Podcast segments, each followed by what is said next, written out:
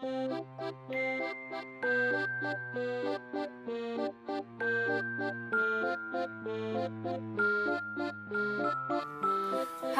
selamat datang di Benang Merah Podcast. Episode ke 12 12 Wow, 12 2 tahun. Lumayan produktif ya kita.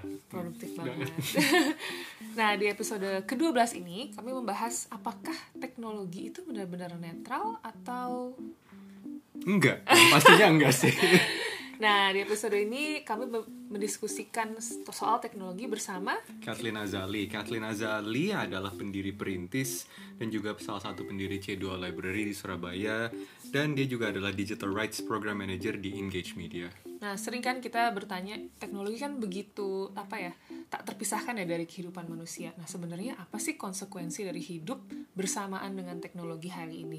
Apakah semakin menguntungkan atau justru semakin merugikan eh, kita atau memberikan apa ya konsekuensi baru pada kehidupan kita? Nah, Merugikan banyak merugikannya mungkin eh, eh, kami membahas secara lebih mendalam dengan Cat di episode kali ini. Maka dari itu, selamat Mendengarkan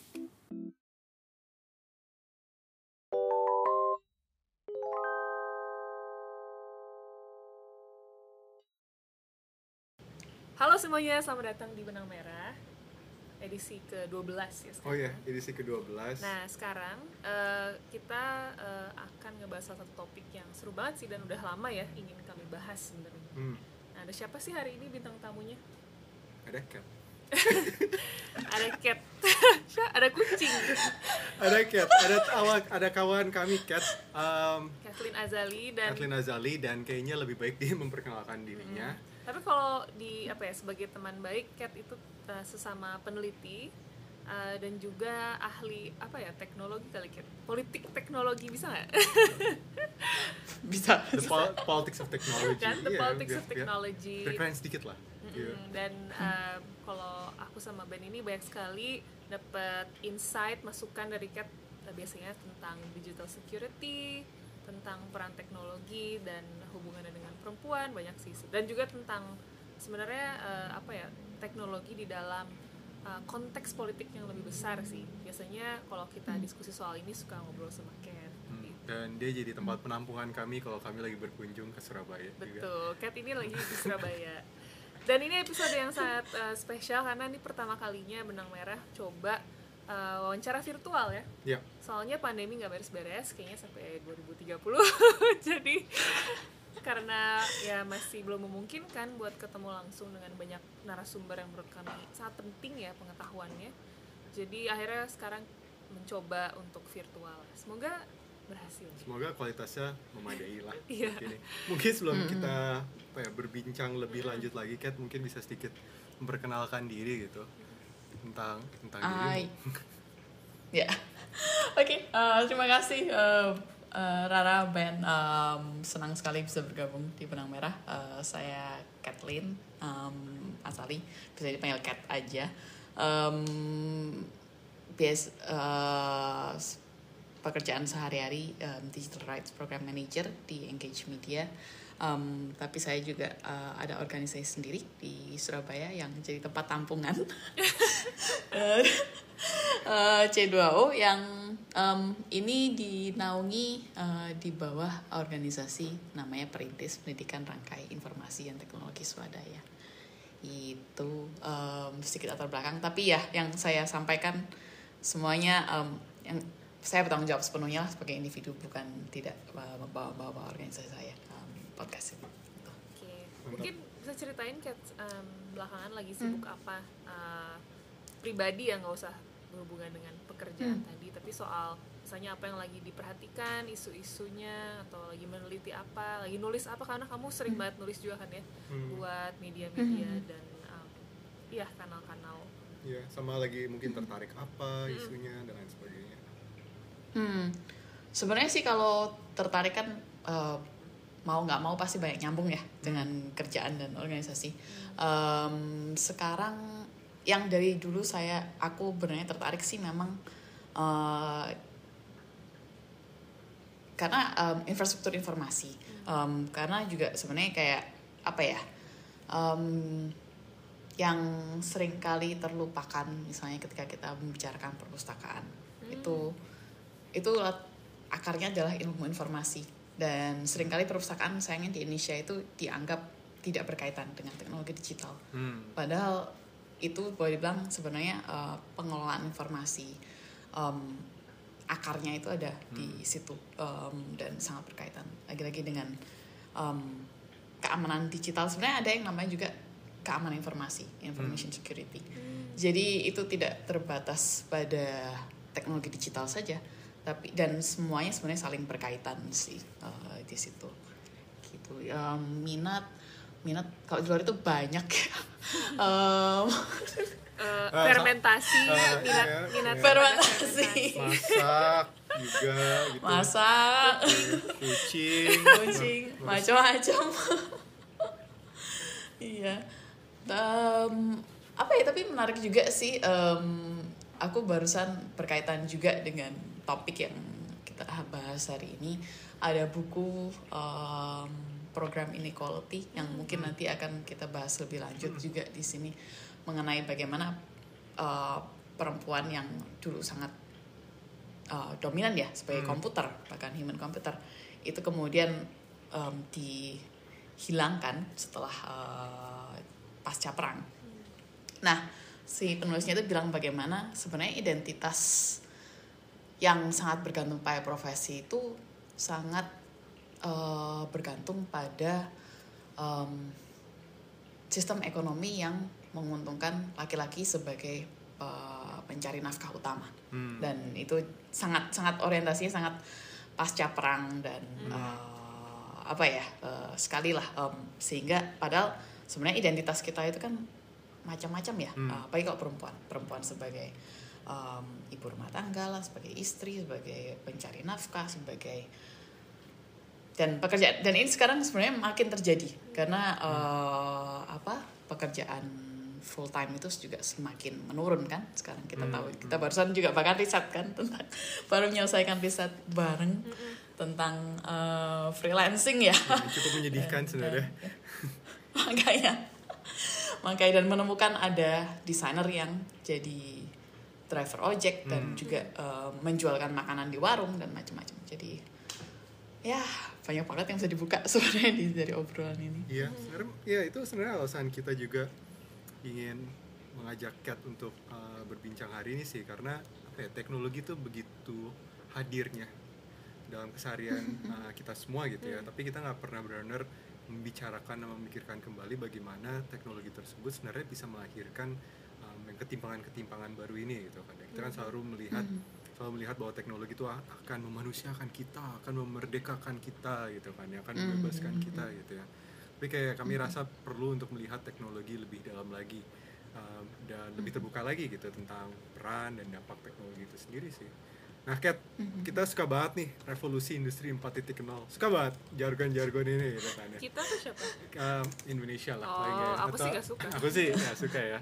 Atau mungkin um, pemerintah lah, pemerintah lah paling enggak ya. Um, uh, Mereka yang punya kuasa ini suka banget dengan jargon-jargon 4.0 itu. Bahkan uh, sekarang kita lagi bikin ini apa um, apa bukit algoritma ya atau sesuatu itu yang di di, Ya, ya, di ya. Sukabumi ini gitu kan ya. Kayak Mhm. Um, menurutmu ini gimana sih kan teknologi saat ini di Indonesia gitu? Apakah Hmm. menurutmu sejauh ini sudah mampu balik lagi tadi premis di awal yang memanusiakan kita atau mampu memerdekakan kita atau um, sebenarnya udah kayak semakin membawa kita ke suatu hal distopia yang ala-ala kita nonton di Blade Runner gitu tau nggak ya? Apakah ini permulaan awal iya, dari iya. itu atau atau apa nih menurutmu sebagai outlook ke depan teknologi peran teknologi dalam kehidupan kami semua nih? Hmm.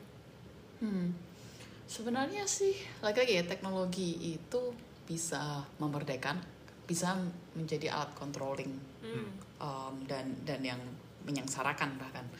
Um, sayangnya kalau di Indonesia kalau saya pendapat pribadi saya sejujurnya saat ini kurang positif karena sebenarnya teknologi itu kan eh, boleh dibilang em, lapisan teknologinya ya tapi di bawah lapisan teknologinya itu sebenarnya ada lapisan individu uh, uh, pengelolaan governance dan Hmm. lain-lain ya nah uh, regulasi dan lain-lain jadi teknologi sendiri juga di bawah uh, bukan di bawah ya berkaitan dengan regulasi yang berlaku Hmm. Misalnya kalau kita um, ingat di tahun ketika internet pertama kali masuk ke Indonesia itu um, ya yang terkenal mungkin uh, di ITB dulu uh, Wonopurbo Hmm. uh, dan kawan-kawan membangun ya jaringan internet.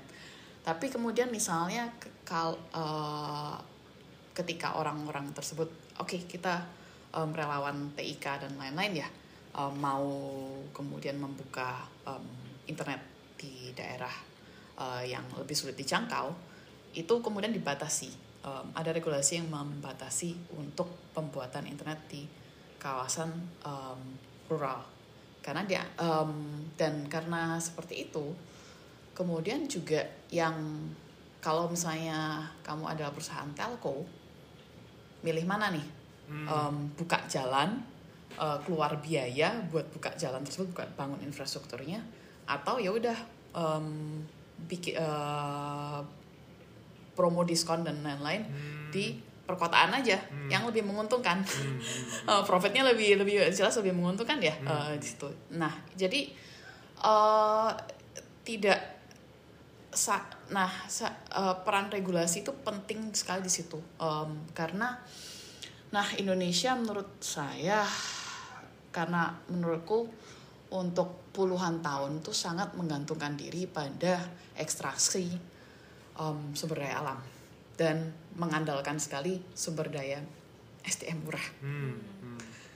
jadi tidak ada investasi serius atau uh, untuk teknologi yang kemudian bisa meng- menyejahterakan sebenarnya. Hmm. Karena itu kan sebenarnya butuh ya uh, butuh inves- investasi serius sebenarnya untuk membangun um, teknologi seperti itu. Nah itu saya tidak pernah dilakukan Um, di beberapa negara yang itu pernah dilakukan dan mungkin terlepas ada segala baik buruknya ya misalnya sekarang yang ser- sering dibicarakan um, yang sering jadikan model sebenarnya kan Silicon Valley ya sekarang ini terlepas kita sebenarnya sering Hmm. aduh apa sih tapi yang diandalkan kalau- kita perhatikan yang sering diandalkan Silicon Valley itu software Hmm. kalau eh, tanpa bermaksud bilang Cina lebih baik atau apa ya tapi Cina eh, Tiongkok itu dari awal perhatian pada hardware. Hmm. dan sekarang eh, makanya kemudian makin banyak juga ini eh, dulu Cina ketika melakukan itu dianggapnya alah copycat pembuat KW dan lain-lain ya. Tapi sekarang kita lihat bagaimana Huawei misalnya ini eh, menjadi eh, apa ya raksasa teknologi ya eh, terutama dalam eh, paten di 5G misalnya. Dan itu kemudian sempat bikin orang-orang apa ya heboh oh ini ntar bakal dipakai Cina buat surveillance dan lain-lain Nah, itu politiknya sangat apa ya keruh dan kemudian sam- eh, oleh Amerika itu diterapkan embargo untuk Hmm. em, untuk membuat Huawei ini Hmm. untuk melemahkan Huawei Hmm. dan sempat melemah mereka penjualannya juga melemah tapi akhirnya kemudian em, gimana ya kita melihatnya itu kemudian eh, karena hardware itu kan infrastruktur ya. Kita kita em, yang yang kemudian sangat terabaikan adalah em,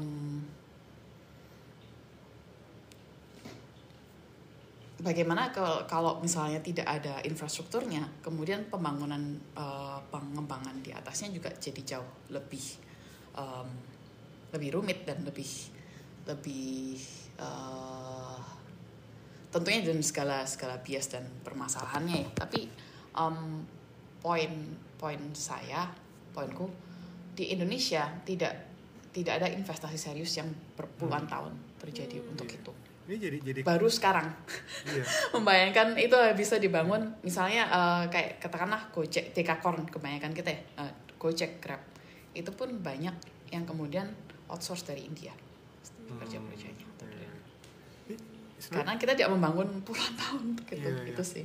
Paham Ban? Paham, ya, ya, jadi jadi sedikit refleksi ke tahun 2020 sih di mana pas kita lagi membutuhkan teknologi ya dalam artian uh, hardware-nya gitu. Uh, ketika misalnya sekolah dan Hmm. institusi pendidikan itu uh, melakukan apa namanya Uh, melakukan apa namanya uh, pendidikan off uh, online gitu kan ya semuanya.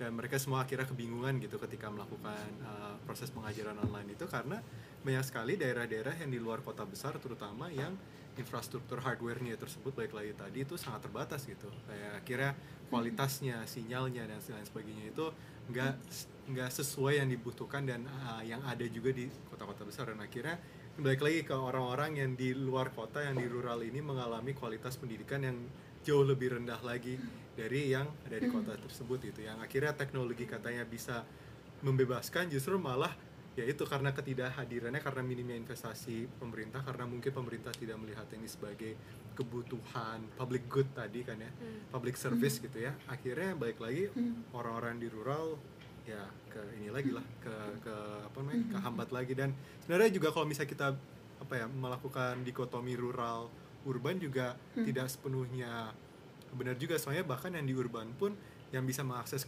teknologi atau uh, infrastruktur telekomunikasi yang kualitas tinggi pun sebenarnya terbatas uh, dibatasi Yep. oleh uh, misalnya kesenjangan kelas di sini kan ya kemampuan mereka Yeah. Memiliki modal ekonomi gitu dalam aksesnya gitu kan dari dari pulsa kah dari kualitas peralatan yang mereka miliki kah dan lain sebagainya dan lain sebagainya sih akhirnya mulai mulai Akses fiber. ya akses fiber gitu kan Macam-macam. macam-macam lah gitu Hmm. akhirnya kelihatan Luar banget biasa. bahwa Hmm. teknologi itu ya oke teknologi bisa memerdekakan memanusiakan manusia gitu ya tapi selama ini kita juga nggak pernah membicarakan sebenarnya selama ini teknologi itu di- dibangun dan bisa diakses untuk siapa saja gitu juga kan itu yang nggak pernah benar-benar Hmm. dibahas juga gitu Iya. sebenarnya aku jadi kesimpulan aku sih kalau dari poin kamu tadi kan Hmm. infrastruktur informasi adalah bagian dari sebenarnya pembangunan gitu jadi adalah hak kita atas pembangunan gitu Hmm, hmm, hak setuju. uh, dasar warga negara tapi infrastruktur informasi ini yang tadi sering di- dilewatkan dan bahkan berdasarkan pengalaman kita hidup juga di sini kayaknya itu sangat-sangat di nomor terakhir kan gitu kan. Kita lihat uh, the contoh awal yang tentang uh, perpustakaan tadi di awal pas kamu cerita itu salah satu ketertarikanmu. Uh, sampai ke sekarang gitu internet akses ke internet dan um, jaringan lah bisa dibilang telekomunikasi yang yang merata. Nah itu tuh bikin yang membuat uh, teknologi menjadi alat yang justru apa ya menciptakan atau memperlebar jurang kesenjangan gitu karena itu kalau pembangunannya senjang infrastruktur informasinya juga uh, hanya berpihak pada mereka yang punya uang punya modal kan Hmm. Iya. Uh, atau diprivatisasi gitu jatuhnya Uh, jadinya ya orang yang punya uang buat beli kuota aja gitu yang bisa Iya. akses Iya, iya, internet iya, iya. dan informasi dan pengetahuan dan uh, nantinya bisa dia terjemahin jadi modal-modal buat kerja buat naik uh, tingkat apa strata sosial dan lain-lain jadi jadi um, lagi-lagi kalau misalnya nggak ada infrastruktur tadi yang dasar yang benar-benar bisa sedikit lah uh, me- membuat kesenjangan itu uh, lebih apa ya lebih lebih sedikit jaraknya gitu ya. Jadi semua orang punya akses ke situ. harusnya sih bisa jadi alat yang menolong orang gitu untuk Hmm. hmm, apa namanya hidup lebih baik lebih sejahtera gitu. Hmm. cuman kalau sekarang ya lihat aja chaosnya selama 2020 kata Iya. Ben tadi soal pendidikan online terus juga Hmm. kerja juga ya maksudnya Iya kerja um, dan apa namanya bahkan bukan cuman kerja cuman kan um, 2020 kan tahun yang berat ya pandemi gitu Hmm. banyak orang menggantungkan apa ya hiburan itu dari online kan Hmm. dari YouTube streaming nah Ya. kalau misalnya orang-orang yang nggak punya akses ke itu dan nggak boleh keluar rumah sebenarnya nggak adil juga kan kayak uh, memaksa mereka untuk ya udah kamu di rumah doang dong gitu. jadi lagi-lagi berlapis Ya. gitu loh iya iya Uh, ternyata teknologi saking udah apa ya terjalin di dalam keseharian kita gitu iya Ya. Mungkin jadi kembali lagi sih juga infrastrukturnya ini siapa yang memutuskan Hmm. governance-nya. Hmm, hmm. Jadi eh, sering kali kan itu top down banget ya, Iya. diputuskan oleh lagi-lagi entah pemer- eh, pemerintah kemudian eh, kita tahu sendirilah monopoli eh, telco di Iya. Indonesia juga dipegang siapa kan. Nah itu udah eh, kemudian mereka yang memutuskan. Em, misalnya uh, poin tadi menarik ya mengenai kita uh, bergantung pada internet dan teknologi uh, ini untuk mengakses berbagai informasi. Nah, kalau kita perhatikan juga kebanyakan negara di Asia Tenggara itu kecuali Singapura ya, itu um, mereka masuk ke internet, ke mayoritas orang ke internet itu ketika uh, setelah tahun 2007 kan setelah uh, smartphone muncul dan setelah um, banyak platform media sosial yang uh, tertutup seperti Facebook, Twitter, Instagram itu muncul. Jadi mayoritas orang uh, dan bukan di Asia Tenggara sih, banyak negara selatan sebenarnya hmm. itu kemudian sebenarnya terperangkap dalam ekosistem yang uh, ya ini uh, yang close proprietary system. Hmm. Um, hmm jadi ke, ketika orang bilang kenapa nih oh, dasar orang-orang sering kan kita dengar ya dasar orang-orang Indonesia pakai internet bukannya untuk belajar tapi buat entertainment aja dengan nada yang sangat merendahkan hmm. uh, pakainya hanya untuk uh, media sosialan aja atau apa tapi yang lupa disadari adalah kebanyakan sebenarnya uh, ya dilanggengkan hmm. dan bahkan kalau kita tahu ya uh, kan paid apa 90% lebih kayak 98% saya lihat statistiknya lihat statistik um, Indonesia itu kita pakai prepaid SIM card hmm. kalau di Singapura itu atau di negara um, ya barat dan lain-lain uh, prepaid SIM card itu jauh lebih rendah hmm. dan itu kemudian kalau kita tak perhatiin tuh yang um, data paket data yang diskon diskon hmm. WhatsApp saja hmm. Instagram aja atau apa itu uh, dan itu uh, apalagi buat kelas uh, yang tidak mampu mau mengakses yang full data package itu sulit apalagi tengah pandemi sekarang kan yeah. Iya, uh, aku sering sih misalnya ada yang DM gitu ya uh, nanya terus apa terus bilang eh bisa di WhatsApp aja nggak lanjut ngobrol lah. Hmm. wah uh, paketku cuma Instagram aja. Itu ternyata kita bahkan dulu ngiranya hmm. kan mereka sebenarnya satu perusahaan kan tapi itu pun ter dipilah-pilah seperti itu. Nah Nah, siapa yang bisa mengakses semuanya? Yeah. ya yang punya duit lagi-lagi kan. Punya wifi. Eh, ini menarik banget. Yang punya wifi. Yeah. aku juga kalau beli paket 5 giga doang. Yeah. ya tapi yeah, dan iya. Sorry sorry kan nggak apa jadi jadi ingat sih yang uh, dulu pas di uh, Myanmar gitu yang pas kasus Rohingya dulu mm. uh, gara-gara internet internet itu kasarnya kayak dikerdilkan menjadi misalnya Facebook saja gitu kan ya mm-hmm. kayak yep. karena ketidakmampuan akses ekonomi di luar itu juga akhirnya mereka mm-hmm. mensinonimkan internet dengan Facebook gitu ya nggak nggak mampu mm-hmm. melihat internet sebagai suatu hal yang jauh jauh lebih besar lebih, lebih yeah. luas lagi gitu dan akhirnya dikarenakan hal itu juga uh, malah mengerdilkan dan meminimkan uh, apa ya akses akses terhadap informasi-informasi terbaru juga gitu yeah dan itu yang terjadi yang um, saya pernah baca di yang kasusnya Rohingya itu yang kenapa orang sangat mudah kemakan hoax karena sumber informasi satu-satunya hanya lewat yeah. Facebook saja gitu. Dan kan. Indonesia yeah. sempat kayak gitu yeah. sih. Facebook kan yeah. sempat banyak banget pemilu yeah. sih. Nah, pemilu, pemilu tuh uh. lagi Facebook banget. Sekarang udah agak lebih uh, apa ya hmm. terbagi-bagi ya soalnya kan ada Instagram ada Twitter hmm. bahkan mereka punya komunitas dan linggo kayak bahasanya sendiri kan yeah, yeah, yeah. Kayak, uh, bahasa mm-hmm. anak Instagram lain mm-hmm. bahasa visual misalnya dengan mm-hmm. Twitter yang lebih sarkastik yeah. gitu kan hmm, yeah, yeah, itu itu menarik banget sih tapi aku jadi yeah. kan uh, ingat gak kita pernah uh, baca dari salah satu buku uh, peneliti dari UCL uh, dia peneliti mm-hmm. social media gitu antropolog sosial media mm-hmm. intinya dia bilang kalau social media itu adalah refleksi atau perpanjangan tangan dari kehidupan sosial kita gitu nah kalau kita mikirin hmm. internet secara lebih luas gitu itu bisa hmm. banget sih kita aplikasiin karena uh, kita nggak bisa cuma ngelihat sebagai internet sebagai ruang tapi juga ada apa ya um, kesenjangan sosial ekonomi apa pun yang ada di dalam dunia non internet itu juga sebenarnya terrefleksikan di internet gitu. yeah. dalam artian yeah. siap tadi misalnya di DM DM Instagram buat bunda-bunda yang mau beli uh, daster gitu kan dan mm -hmm. misalnya di uh, apa namanya WhatsApp biasanya yang belinya baju-baju yang udah handmade gitu kan buat Maksudnya ya, ya, ya. ada interaksi-interaksi kayak gitu gitu itu itu menarik banget sih Iya itu menarik menarik jadi banget. nggak Iya. bisa ngelihat internet sebagai satu blob besar konsep atau Iya. ruang yang netral sebenarnya dan emang nggak pernah netral Iya. sih. Hmm, hmm.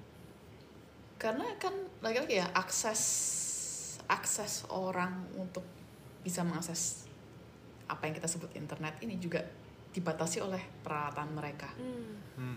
perala eh, untuk kita yang ya eh, punya komputer, laptop dan lain-lain itu sudah suatu yang kita sudah terbiasa pakai mungkin dari tahun 2000-an awal ya atau eh, itu sudah kayak kita take for granted. Tapi kebanyakan orang komputer pertama mereka dan satu-satunya komputer mereka itu handphonenya mereka Iya. Hmm. Apa yang bisa diakses eh, dan kita pelajari melalui komputer, laptop, desktop dan apa yang kita bisa lakukan di di di komputer, laptop dibandingkan dengan handphone murah eh, misalnya ya tahu sendiri eh, Oppo, Huawei itu Iya. pun em, itu beda sekali Hmm. dan search engine-nya pun Iya, kalau iya. kita Iya. memperhatikan handphone-handphone murah itu kayaknya malah search engine-nya bahasa Chinese Iya, iya. bayangkan betapa betapa uh, sulitnya Iya. untuk uh, orang paham uh, Iya. kemudian ya Iya. Betapa Seperti membatasinya ya benar-benar juga ya. Dan kalau nggak salah kan itu ya, Hmm. apa namanya web browser tertentu tuh ngeblok beberapa informasi juga gitu. Iya iya Hmm. Hmm. ya ada setting-settingnya memang jadi Iya. kayak yang datang dari handphonenya.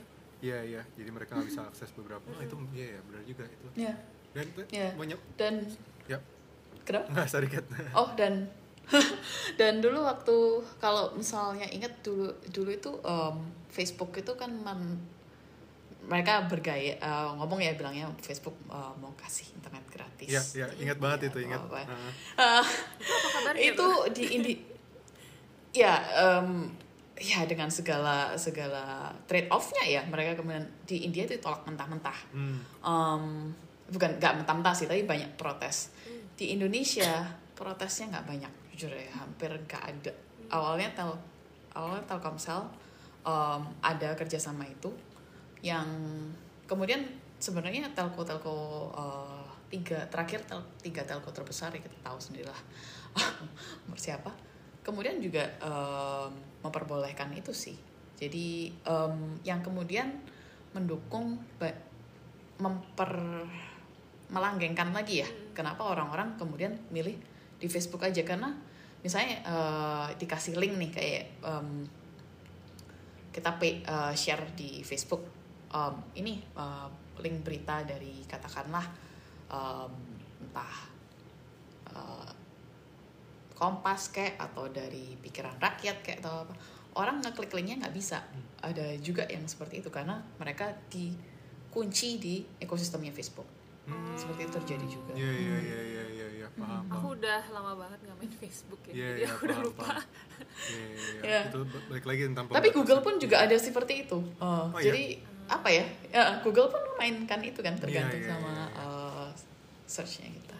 Iya iya. ya Macam-macam itu sih. dia sih ini hal-hal yang apa ya bahkan orang yang mungkin bisa dibilang misalnya aku sama Ben cukup cukup suka ngikutin lah berita tentang politik Mhm. informasi atau teknologi informasi Mhm. gitu tetap aja kita nggak bener-bener tahu kan Iya Mhm. iya. Um, Ya. karena ini Kayaknya jadi di belakang layar. iya iya Iya, ini benar. benar-benar jadi informasi kalau balik ke episode sebelumnya esoterik Iya benar. Esoterik benar. esoteric knowledge Iya. Cuma Orang-orang dalam doang Hmm, yang orang-orang dalam Ya. jadi inget tentang algoritma juga sih yang bagi, sering kali orang yang bikin algoritmanya aja nggak tahu gitu transformasi algoritma kan seperti apa itu kan yang Iya. serem ya Iya jadi benar banget. Iya. sekali. ngomongin Iya. like, berikutnya sih algoritma ya tapi jadi ya Hmm. tapi mungkin pengen balik lagi ke bukit algoritma sih sebenarnya yang tadi si Ben lagi bahas Eh, menurut kamu gimana Kat Em, apa ya melihat tadi kita udah bahas tentang bagaimana sebenarnya internet tuh bukan ruang yang netral dia juga sangat Hmm. Atau teknologi informasi sangat tergantung kepada siapa yang memilikinya gitu ya yang membuatnya dan nanti bisa mengaksesnya kalau kata Ben tadi Hmm. gitu ya menurut Hmm. kamu dengan kegilaan apa ya Hmm.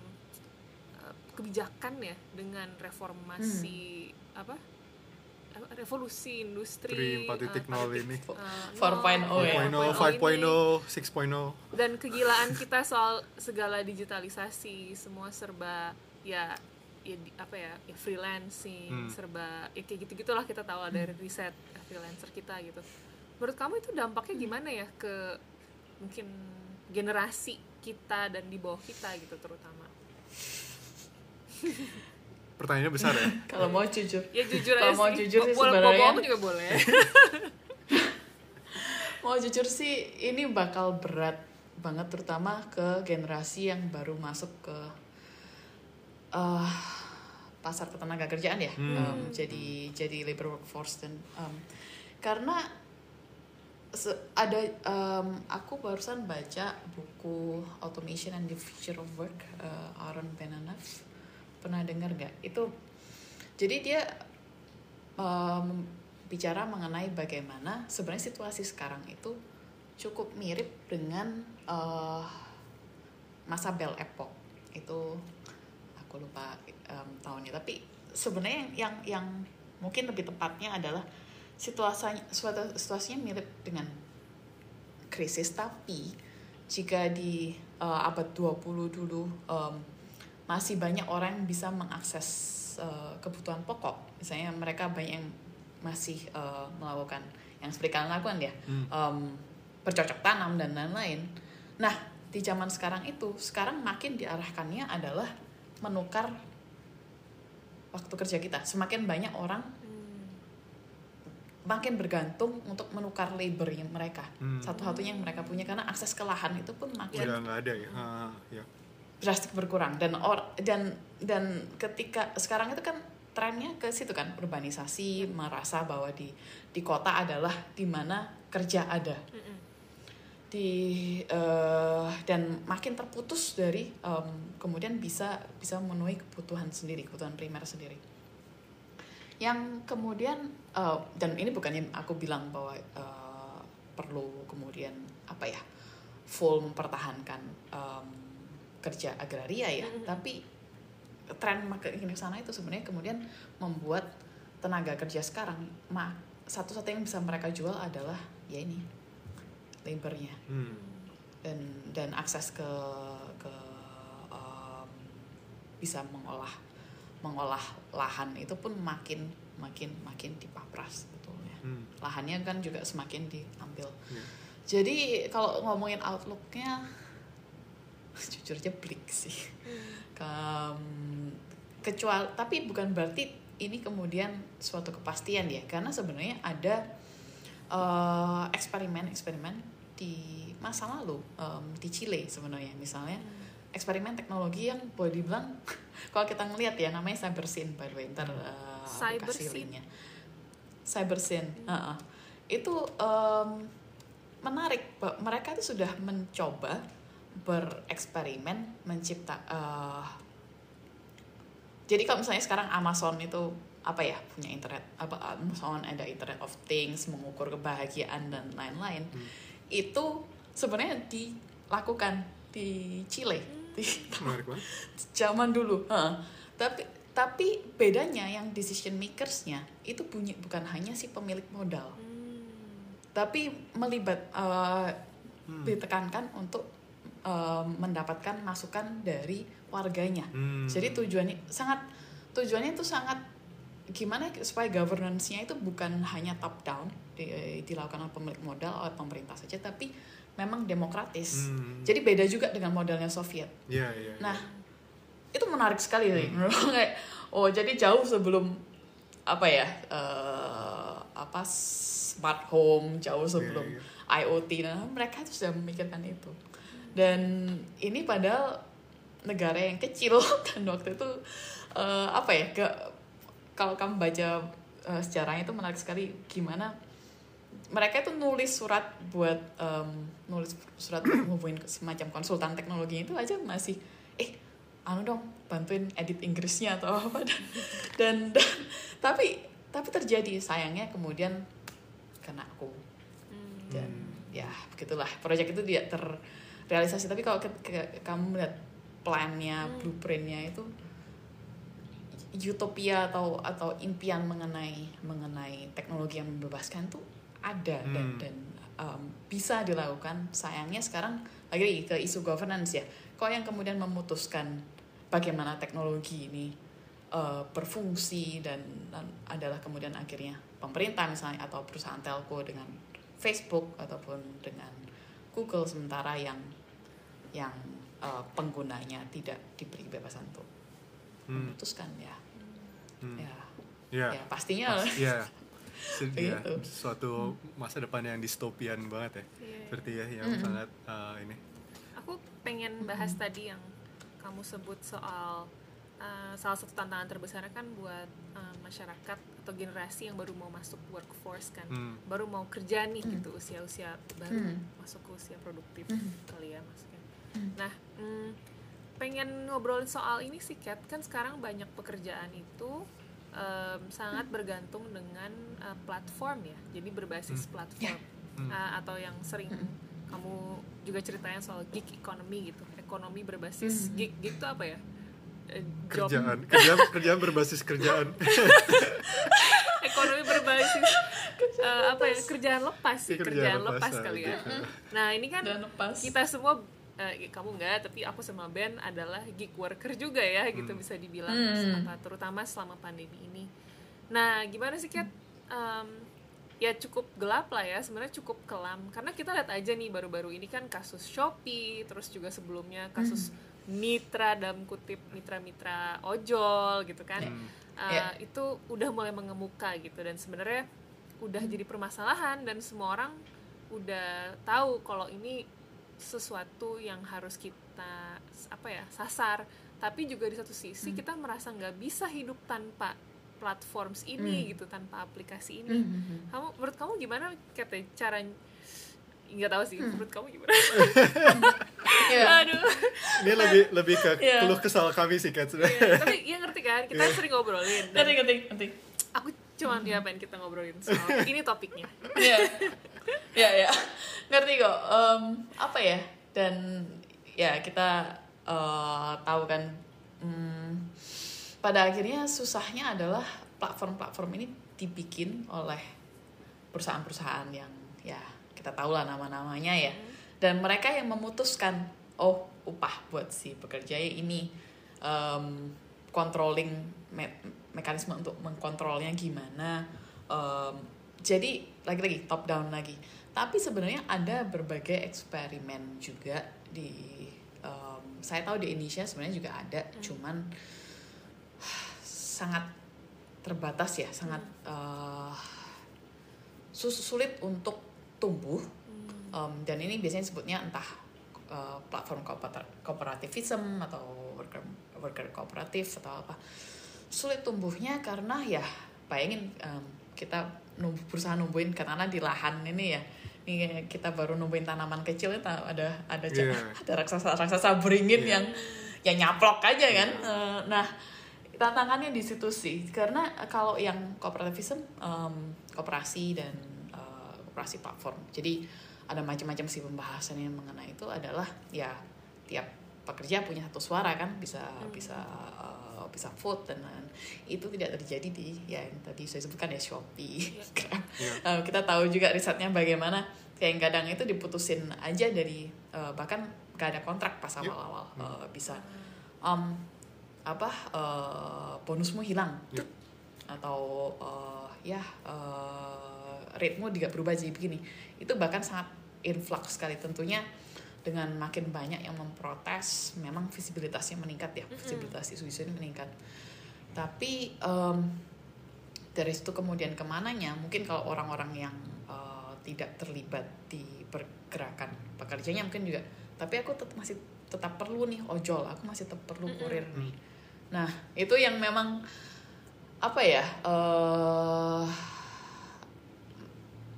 lagi ideal yang saya lihat terjadi di aku lihat terjadi di berbagai negara itu memang kemudian ada entah kooperasi em, eh, serikat. Hmm. serikat kayaknya kita juga lihat banyak kan di di antara sopir ojol.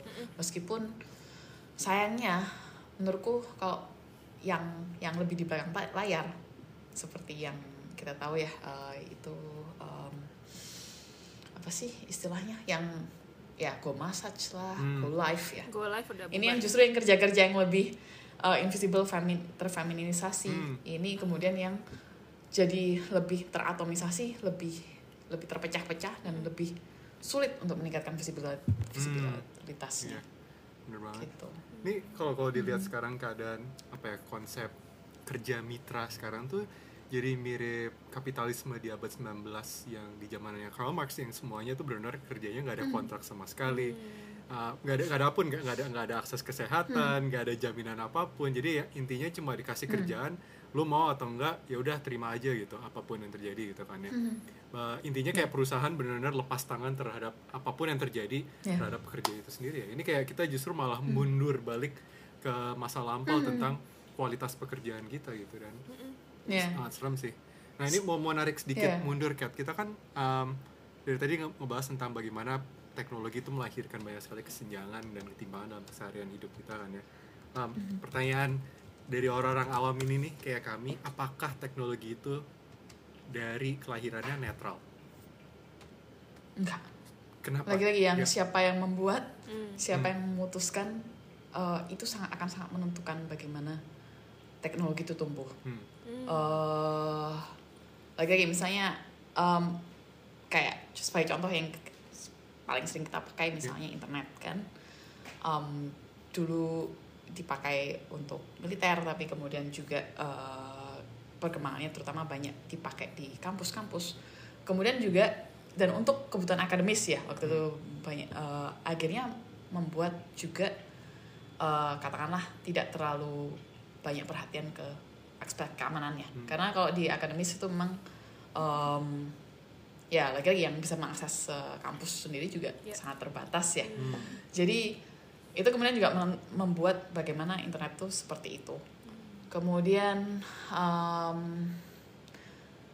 yang tadi eh, aku sebutkan cybersyn eh, itu di Chile Em, ya potensinya ada tapi kemudian ketika di di take over dan kemudian Amerika mengirimkan berbagai macam teknologi represi dan surveillance ke sana malahan pengawasan ya berubah jauh lah di sana Hmm.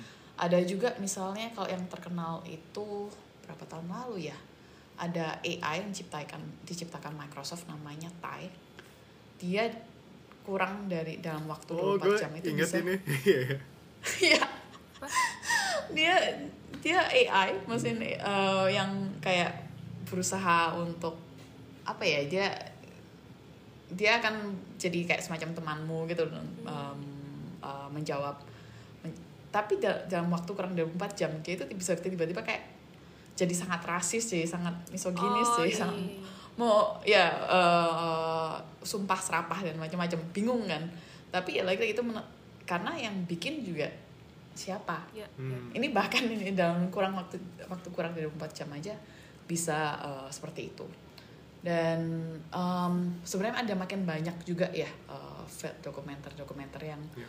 membahas bagaimana di belakang apa yang disebut teknologi atau di belakang apa yang disebut AI soal artificial intelligence itu banyak sekali manusia di belakangnya Iya. Ya. Benar yang kemudian menyortir menentukan yang lain. Iya.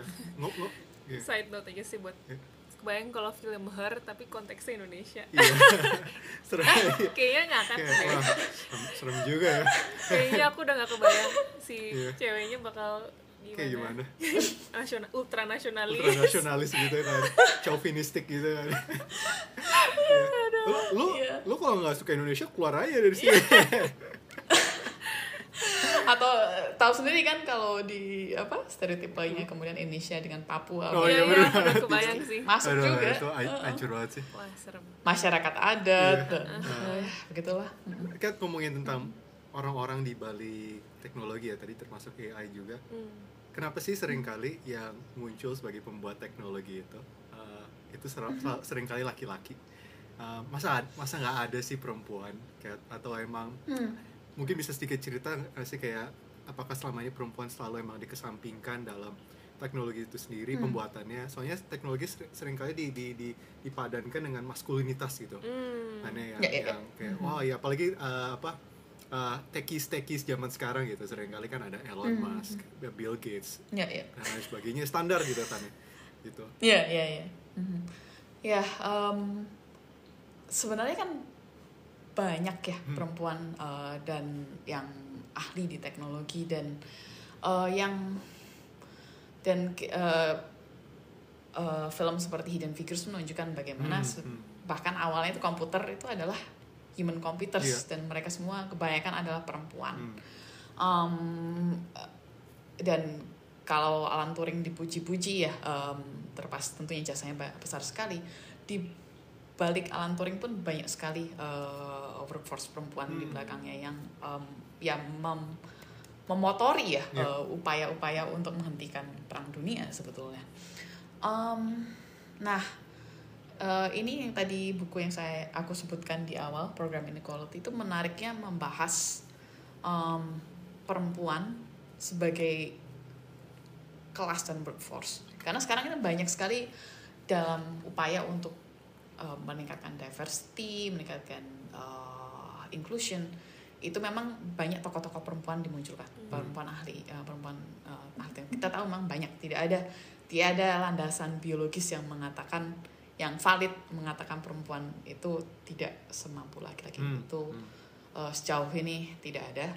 Tapi memang uh, kalau kita hanya melihat tokoh saja Hmm. itu um, ada ada risiko juga. Hmm. Terlepas penting ya karena bahwa kita kemudian punya role model perempuan-perempuan itu ya kalau misalnya kemudian role modelnya adalah uh, siapa? Kok tiba-tiba lupa aku um, yang uh, CEO-nya YouTube oh iya terus uh, Facebook Iya. dan dan lain-lain itu dan kemudian kan sering sering kali bilangnya anu ya um, breaking the glass ceiling Iya. dan lain-lain yang sebenarnya di kalangan feminis sekarang juga banyak bilang kami tidak tertarik hanya breaking the glass ceiling Iya.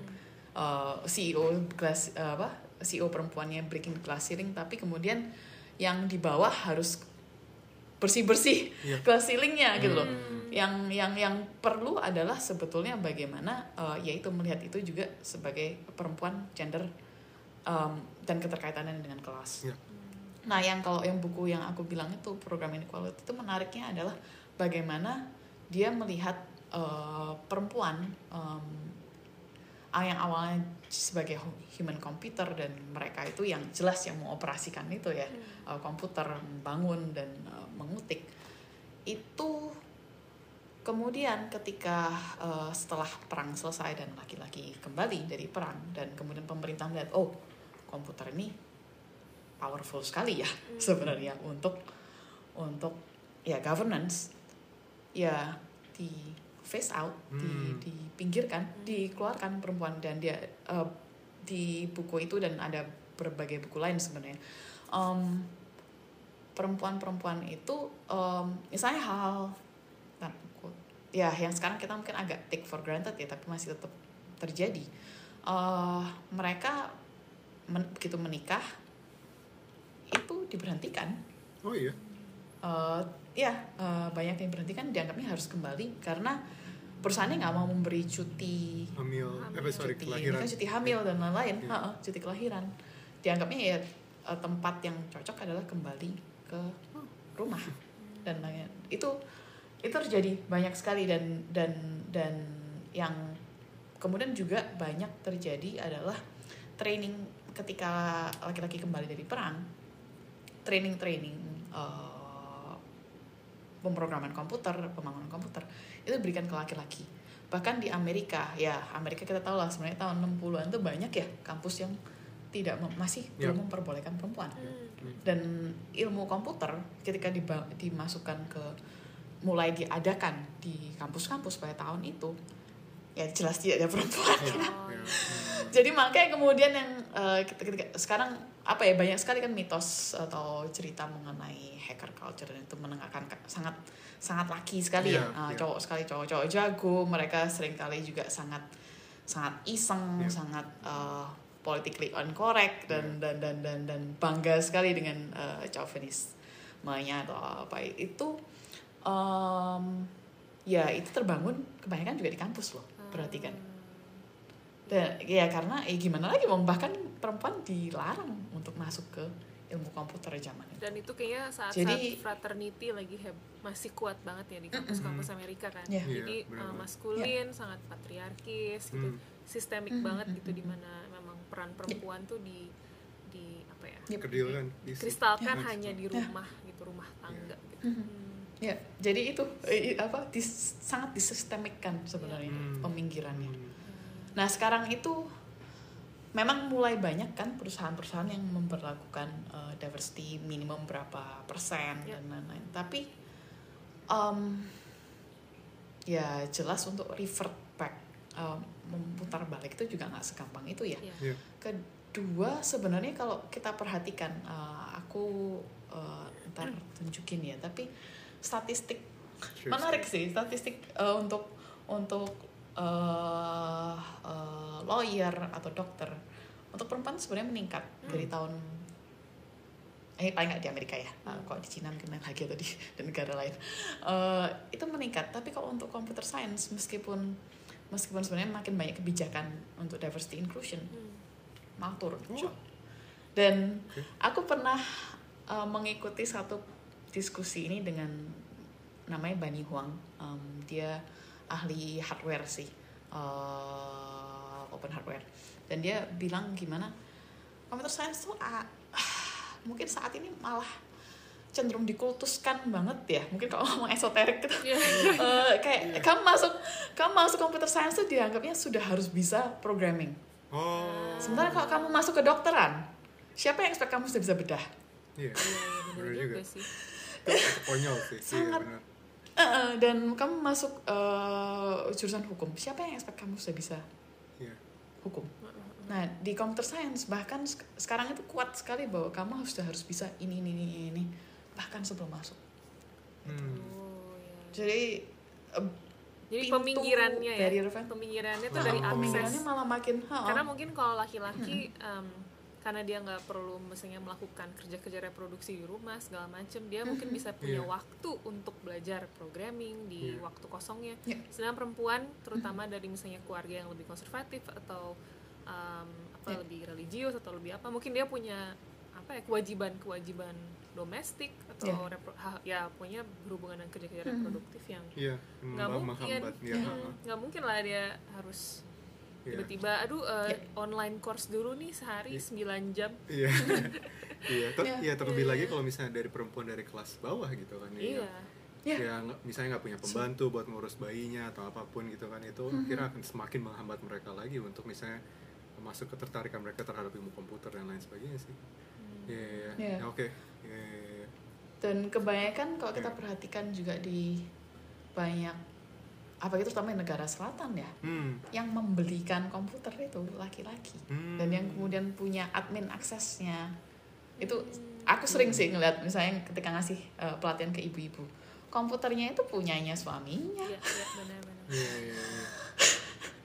dia dan bayangin ketika sekarang zaman apa ketika perempuannya kemudian harus jadi guru lagi jadi bukan hanya beban ganda ya Iya. beban sudah triple, Triple, multiple nih Quadruple. pencari nafkah pekerja domestik guru Iya. buat anaknya iya iya Iya, iya. iya Mhm. iya Hmm, Jadi ini juga misalnya kayak eh, pelatihan digital ya buat perempuan itu kan sering ya orang eh, aku juga kurang setuju nih ketika bilang eh, pengetahuan uh, sering kali dibilangnya pengetahuannya kurang tapi menurutku perlu lihat lebih bawah lagi karena lebih dalam lagi. Karena misalnya tadi ya banyak tuh orang-orang nggak pasang password di komputernya atau passwordnya. Nah kalau kamu ibu-ibu yang harus ngelat apa ngajarin anak-anak mudah dia anak-anak ini harus ngerjain tugas Hmm, selagi ibunya masak dan lain-lain mau passwordin juga iya ribet. Iya. ingat ribet kan?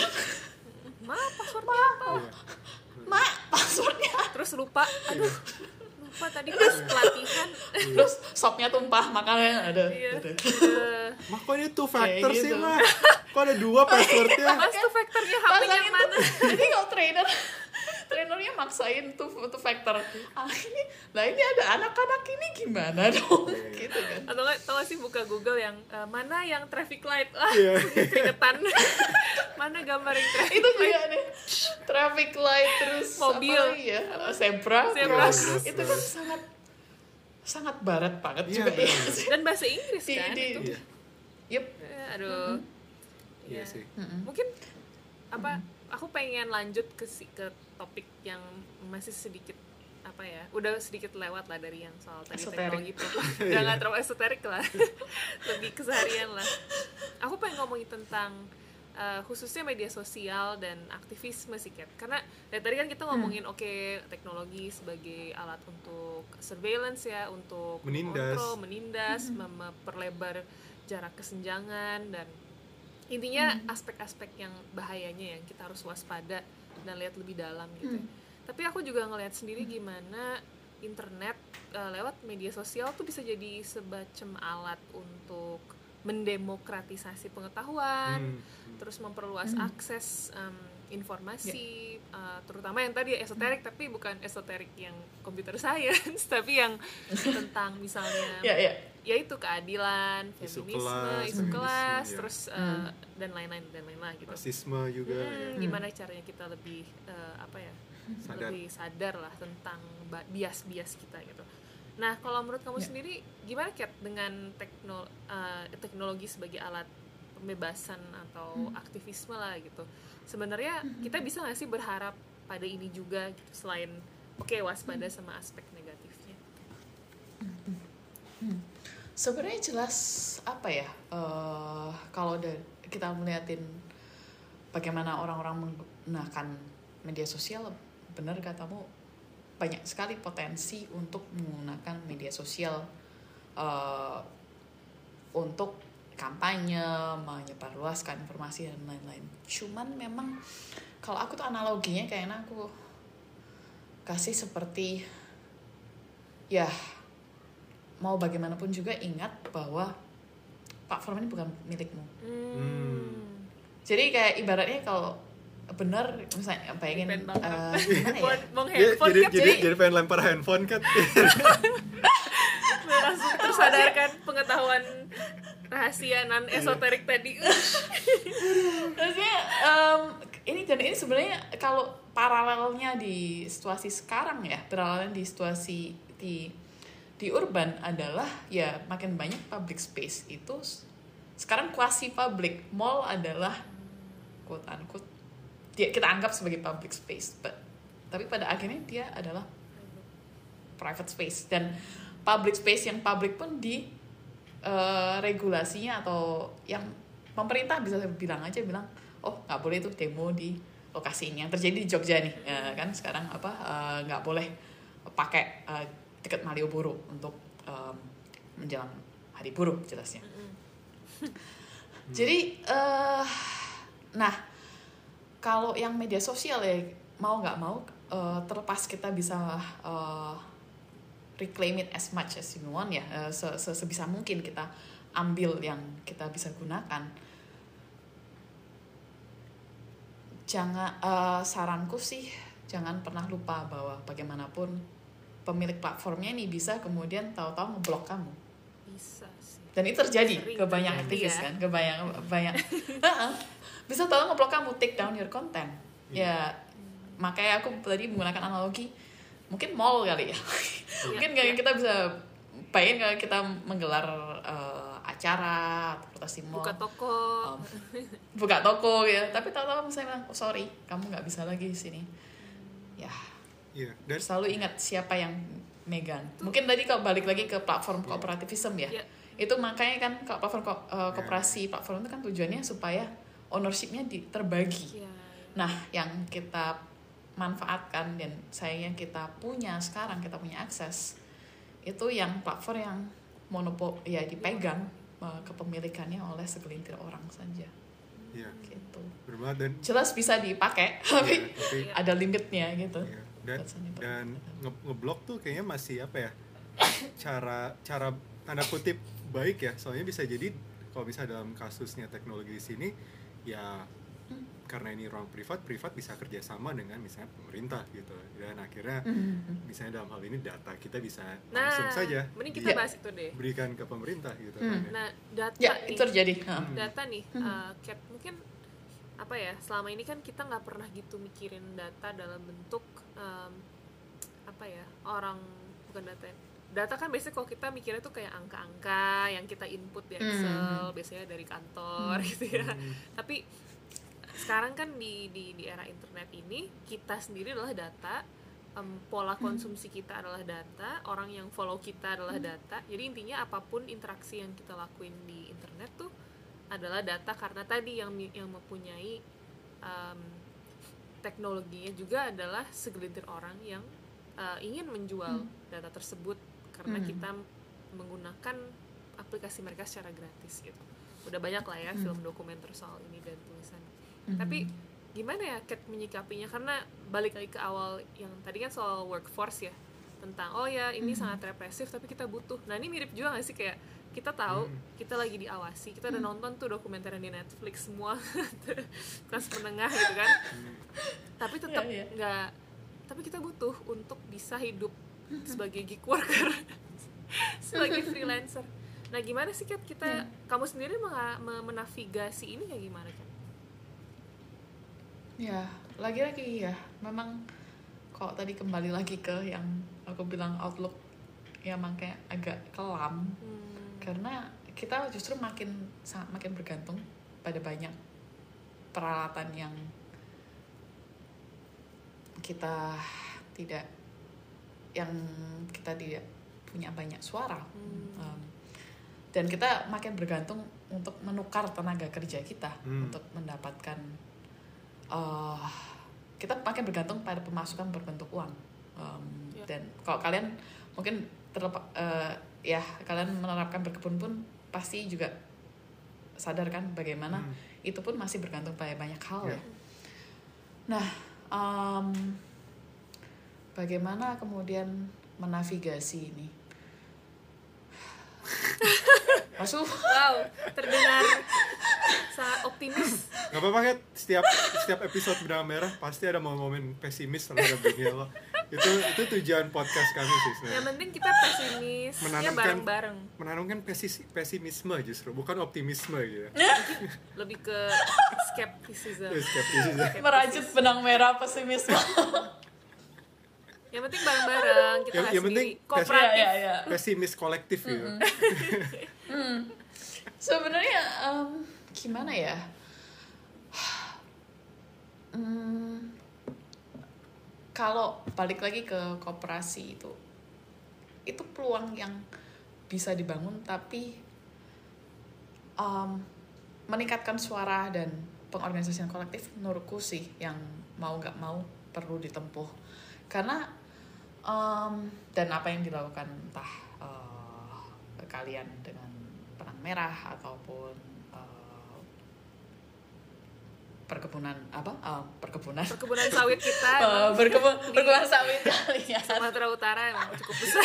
Ber- berkebun bersama dengan eh, tetangga dan membangun itu supaya lebih apa ya jalinan-jalinan relasi dan keterhubungannya terbangun tanpa kemudian dikooptasi oleh em, satu perusahaan besar yang kemudian Hmm. mengambil semuanya. Itu yang ya jalan alternatif yang perlu dibangun sih bersamaan dengan kemudian makin membangun kesadaran mengenai ya bagaimana data kita diambil bagaimana eh, eh, paham karena kalau aku jelas aku punya posisi privilege ya eh, Hmm. bisa paham teknologinya bisa paham hukumnya tapi itu pun dengan kesadaran penuh bahwa itu pun tidak pernah 100% Ya. karena ya aku bukan uh, platform pemiliknya kan pem- ataupun make- pembuatnya dan lain-lain Ah, ya em, jadi dalam menavigasinya dua para dua tindakan itu sih perlu Hmm. dilakukan bersamaan jadi memahami bagaimana em, platform-platform eh, korporasi ini batasan-batasannya. Em, batasan hukumnya batasan teknisnya batasan algoritmanya. Sisi lain juga eh, mencari alternatifnya yang eh, meningkatkan suara dan gerakan kolektifnya. Untuk membangun em, platform yang em, governance dan pengambilan keputusannya lebih demokratis. Nah, tapi mau nggak mau kalau mau jujur aku merasa ini geraknya sulit banget dengan Hmm. ekosistem yang ada Iya. sekarang yang sangat Iya. berpihak ke paid platforms ini gitu. Iya, iya. Eh, jadi intinya ruang juangnya tuh ada dua gitu ya maksudnya yang di luar dari sistem teknologi yang dimiliki oleh segelintir orang yang tadi kata kamu ya kita membangun semangat kolektif kita tetap bisa menjalin relasi sosial yang bermakna bisa punya ketangguhan lah ya sebagai masyarakat di mana kita sadar sepenuhnya tentang uh, apa ya em, tadi ya si uh, aspek-aspek yang dapat merugikan kita dari si em, apa infrastruktur teknologi tadi tapi juga uh, tapi kita bisa tetap hidup mungkin sementara coexist bareng-bareng tapi tanpa harus bergantung sepenuhnya sama itu jadi kalau misalnya tiba-tiba nih mati gitu ya Facebook, Instagram, Twitter Hmm. segala macam kita tetap bisa hidup karena kita punya Ya. si jalinan yang bermakna. Tapi di ruang juang yang kedua adalah yang membangun alternatif yang lebih Ya. kooperatif gitu ya berbasis um, kolektif gitu ya i- internet internetnya atau platformnya. Tapi itu susah banget sih. susah, susah tapi satu sisi juga emang sih susah banget dan sangat mudah untuk jadi pesimis ya di sini kan ya. Uh, dystopian banget gitu kan ya apokaliptik lah Iya, bisa iya. dibilang gitu ya tapi satu sisi juga kayak eh, sangat dibutuhkan kok. Membayang nggak sih kalau misalnya sekarang kita lihat Gojek gitu ya udah sangat Mm-mm. apa ya sangat berkelindan dengan ekonomi nasional kita tiba-tiba uh, dan itu dimiliki oleh segelintir orang saja nggak dimiliki oleh uh, secara kolektif tiba-tiba bangkrut prat gitu kan ya. Ya, gila juga Wah, sih itu- ekonomi kita kan. Mati gitu total gitu apalagi kalau misalnya Tapi di, di urban mungkin gitu ya. Tapi Ya, apakah kita bisa kalau kita pakai apa ya pendekatan yang lebih kelas menengah uh, liberal gitu kan biasanya mungkin kita akan mikir tentang conscious consumption gitu ya. Jadi konsumer ngeneken si produsennya gitu di mana misalnya ini kita neken uh, yang pem- pemilik platform ojol gitu ya untuk berubah. Hmm. Tapi itu mungkin nggak sih Kat melihat mereka semua disuntik banyak sekali investor yang mungkin Hmm. uh, ideologinya adalah ya pokoknya memperbanyak profit bukan kayak menyejahterakan uh, semua Ya. rakyat di negara-negara selatan kan bukan kayak gitu ya kayaknya. Maksudnya ia membuka lapangan pekerjaan tapi pekerjaannya kayak gimana ya itu tergantung kerja keras daripada anda mitra-mitra kita semua. Dan uh, kuali- kuantitas bersyukur daripada para mitra. Adalah pilihan kalian jika ingin sukses Iya. gitu kan. Aduh itu, itu berarti kita nggak mungkin kan mengubah itu. Maksudnya bisa to some extent tapi sekarang aja kita diminta untuk selalu ngasih tip loh kok jadi tanggung jawab konsumen Iya, gitu iya. kesejahteraan jadi ya um, gimana ya Kat maksudnya ngebangun alternatif itu aku tertarik banget sih cuman di mana sih lebih diskusi yang lebih dalam lagi Uh, tapi ini kesempatannya di mana sih Iya. gitu? Hmm, kesempatannya. Sebenarnya kalau kesempatan ngomongin eh, unionizing dan lain-lain, memang em, lagi-lagi ya, ap- ini dengan keterbatasan pengetahuanku, tapi memang kalau kita tahu di yang bisa bergabung di serikat pun di Indonesia itu memang sedikit. Dan eh, terlepas progres em, gerakan pekerja itu banyak banget ya. Tapi memang trennya eh, kalau union atau serikat dalam bentuk yang lama memang itu menurun? Boleh dibilang memang cukup menurun sih secara global. Hmm. karena ya sebenarnya menurutku ini berkaitan dengan eh, menurunnya pekerjaan full time Iya. karena dulu itu kan union itu dibangun di atas tanda kutip kerja full time Iya. nah sekarang kalau kita mau berserikat sementara makin banyak kerja itu yang yang tidak full time eh, ya gig dan informal dan lain-lain tantangannya makanya kayak tadi bilang aku eh, mengangkat go live ya. Karena kerja-kerja itu sebenarnya makin banyak yang di belakang. belakang. Tidak tidak eh, eh, kalau eh, tidak, tidak tidak tidak terlihat sebetulnya. Nah dan dan bahkan di tempat-tempat yang berbeda. Nah bagaimana tantangannya? Kalau kita mau berserikat berkolektif tapi kemudian eh, kayak apa ya katakanlah beda kan kalau misalnya kamu di kantor uh, full time ketemu sama pekerja apa kolegamu tiap hari dan bisa ngobrol eh ini bos kayak gini gini ngawur banget nih upah um, motong kayak gini Bi- bikin union dan pembicaraan tuh bisa terjadi dengan tanda kutip jauh lebih mudah sinkronin jadwal pun bahkan ada hukum yang mewajibkan. Iya, iya. Nah, tapi kalau tak ketika ini kemudian terjadi di kerja-kerja yang terpecah-pecah ya, itu bagaimana sebenarnya banyak banyak yang bisa dipelajari dari eh, PRT sebetulnya advokasi PRT, advokasi pekerja Hmm. perempuan Kuma. Dan kenapa sebenarnya eh kapasitas indikasi apa kita melakukan riset aku em, lumayan berupaya em, mengenai pekerja F&B ya. Iya. Iya, iya. Karena menurutku ini ini besar apa Iya, eh, setuju. apa eh, sebagai workforce dan dan dan dan sangat kurang wadahnya dan itu Iya. nggak tahu caranya bagaimana perlu di di di Iya. eh, diakomodasi Iya, sih. Iya, kur- kurang dibicarakan sih memang. kurang Iya. sih Iya.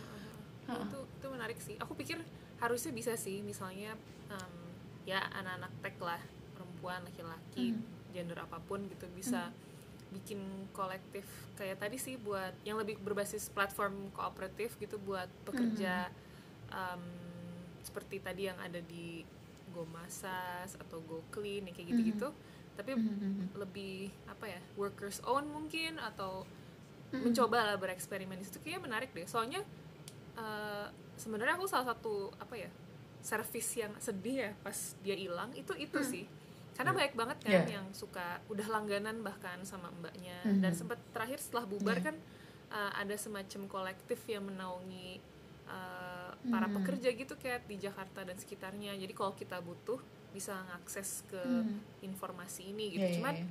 setelah itu ya kata kamu tadi langsung ke belakang. Terus kita juga nggak tahu gitu soal Hmm. um, gimana ya kesejahteraan mereka. Apakah masih bisa dapat job atau enggak karena ya nggak ada gitu. Kita nggak bisa dengan mudah mengaksesnya juga gitu.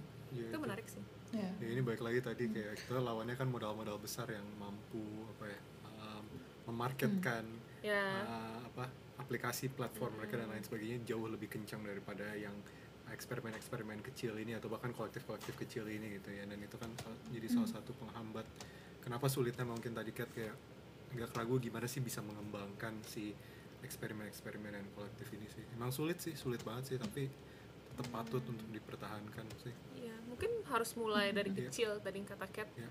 harus seiring dengan si perjuangan di uh, keseharian kita tadi gitu. Iya, jadi benar. emang uh, apa ya alternatif yang ditawarkan emang harus benar-benar berbasis pada uh, apa ya problem yang ada di realitas kita gitu di masyarakat di mana kita tinggal. Jadi nggak yang persoal apa aplikasinya apa grand banget idenya padahal persoalannya tuh cuman masalah mencari tukang kebun di sekitar Bogor gitu. Kayak kayak atau kayak ya Iya, apa iya, iya. ini sih apa teknisi ya nggak sih Iya. aku merasa tukang Iya. teknisi tuh udah berkurang banget jumlahnya dan aksesnya tuh makin sulit Uh, dan kalaupun kita dapet tuh kita nggak tahu dia sebenarnya bagus atau enggak atau bener-bener ahli nggak di bidang Hmm. itu gitu dan nah yang kayak gini-gini kan tapi kan harus berbasis trust juga ya kepercayaan gitu kayak Iya. komunitas kita tahu dia Hmm.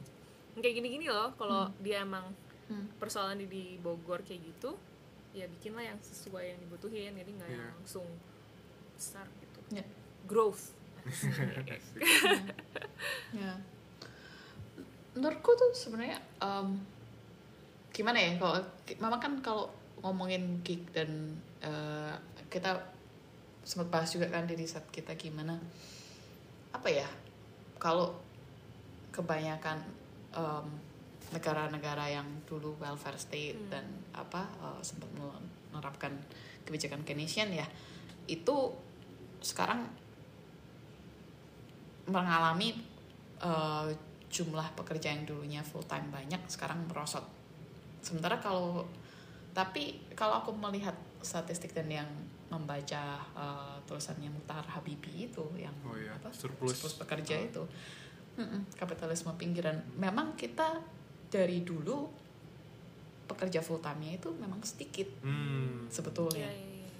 dan tapi perbedaan utamanya adalah kebanyakan yang bergeser jauh jatuh banget itu memang pekerja agraria jadi makin kemudian makanya trennya kan ke urbanisasi dan eh, lagi-lagi menukar Ya. tenaga kerja eh, dan makin bergantung ke situ untuk penghidupan. Sayangnya makanya gue bilang eh, outlooknya memang cukup sedih sih Iya, di iya. sini. Jadi aku pernah lihat juga ada statistik tapi ini nggak nggak tahu ya aku lupa negara mana aja. Tapi gimana mungkin internet tuh makin murah tapi biaya biaya kesehatan biaya rumah mendapatkan rumah biaya basic needs itu naik atau ya. Jadi jadi ya ironis sekali sih memang. Ini kemudian um, economicsnya malah ekonominya tuh malah eh kelihatan membuat membuat yang yang didok yang didukung oleh teknologi digital itu jadi terlihat lebih mudah ya. Tapi di balik itu sebenarnya masalah-masalahnya itu bertumpuk sekali. Mari kita sempat ngobrol. emang. Gila ya pandemi ini tuh eh, apa kita nggak punya duit nggak punya duit kita stres. Akhirnya kerja kerja murah sebagai gig worker gitu ya. Kerja murah ternyata kita overwork capek banget. Karena overwork kita but- sakit eh, fisik dan mental. Akhirnya ngeluarin duit lagi buat kesehatan ke psikiater atau ke dokter. Abis itu abis sakit habiskan duit harus cari duit lagi.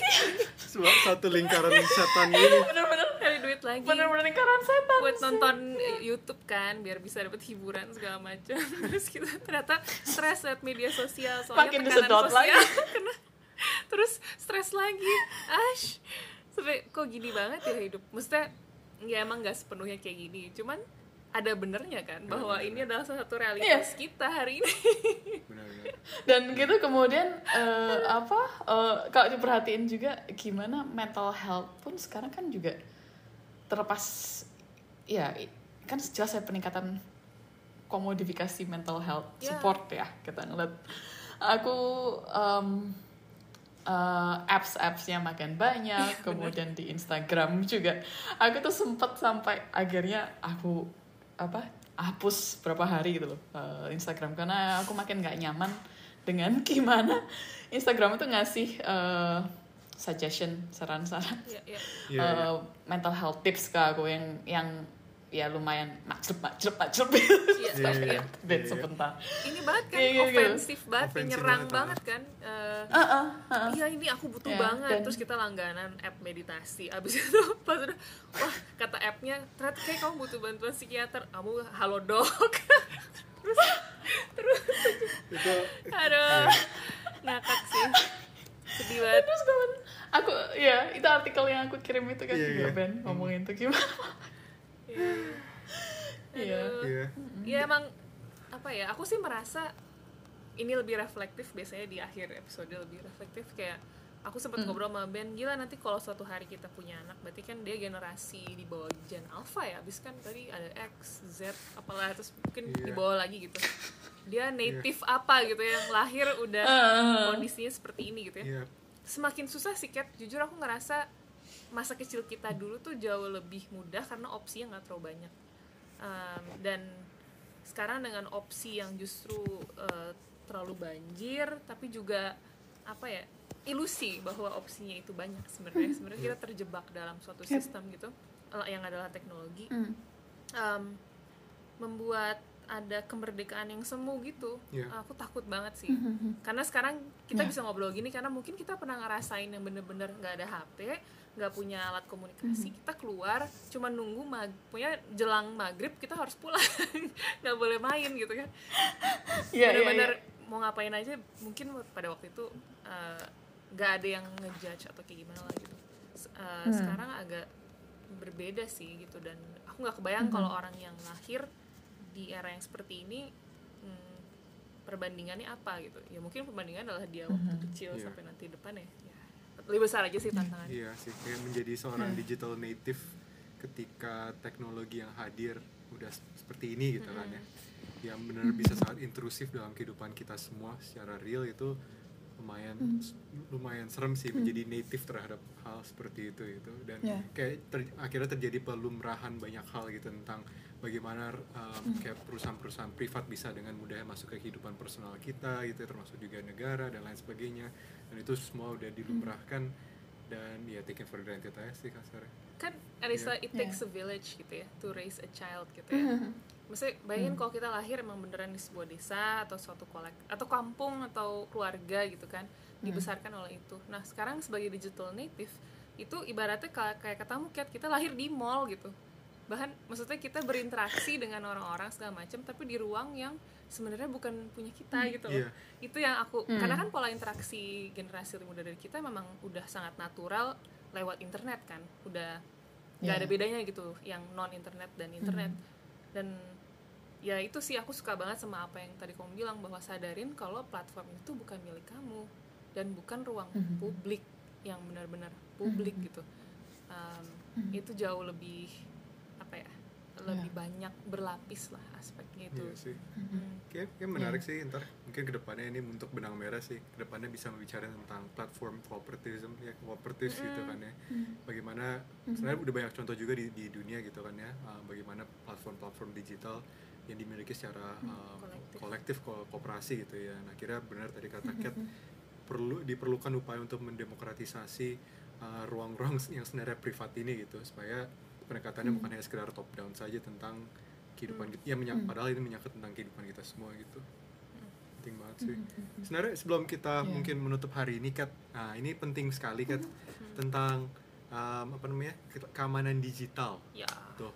Nah Hmm. orang tuh ngiranya tuh keamanan digital dia tuh hanya untuk orang-orang yang punya nama lah. Apakah itu selebritis kah apakah itu tokoh politik kah atau seleb tweet selebgram tiktokers dan lain sebagainya padahal Hmm. banyak sekali orang-orang tanda kutip biasa everyday gitu yang juga ak- akan sangat berdampak ketika mereka tidak memiliki keamanan digital gitu kan ya nah Hmm. bisa nggak Kat ngasih mungkin tips tips and trick gitu Tips. biar kehidupan kita lebih aman dan santai gitu biar nggak Ya, ya, kena ya. Apa phishing apa pun itu definisi phishing dan lain sebagainya Hmm. apa ataukah ntar kita dihubungi oleh ratu dari Nigeria gitu Udah kan ya sekarang udah enggak udah enggak ya sekarang sih? ada pemalsuan identitas Ya, kan di WhatsApp Iya. jadi ada minta-minta uang hmm, minta gitu-gitu. uang pakai nama Ya. nah gimana Kat tips-tips keamanan digital buat jadi masyarakat petugas bank dan lain-lain ya.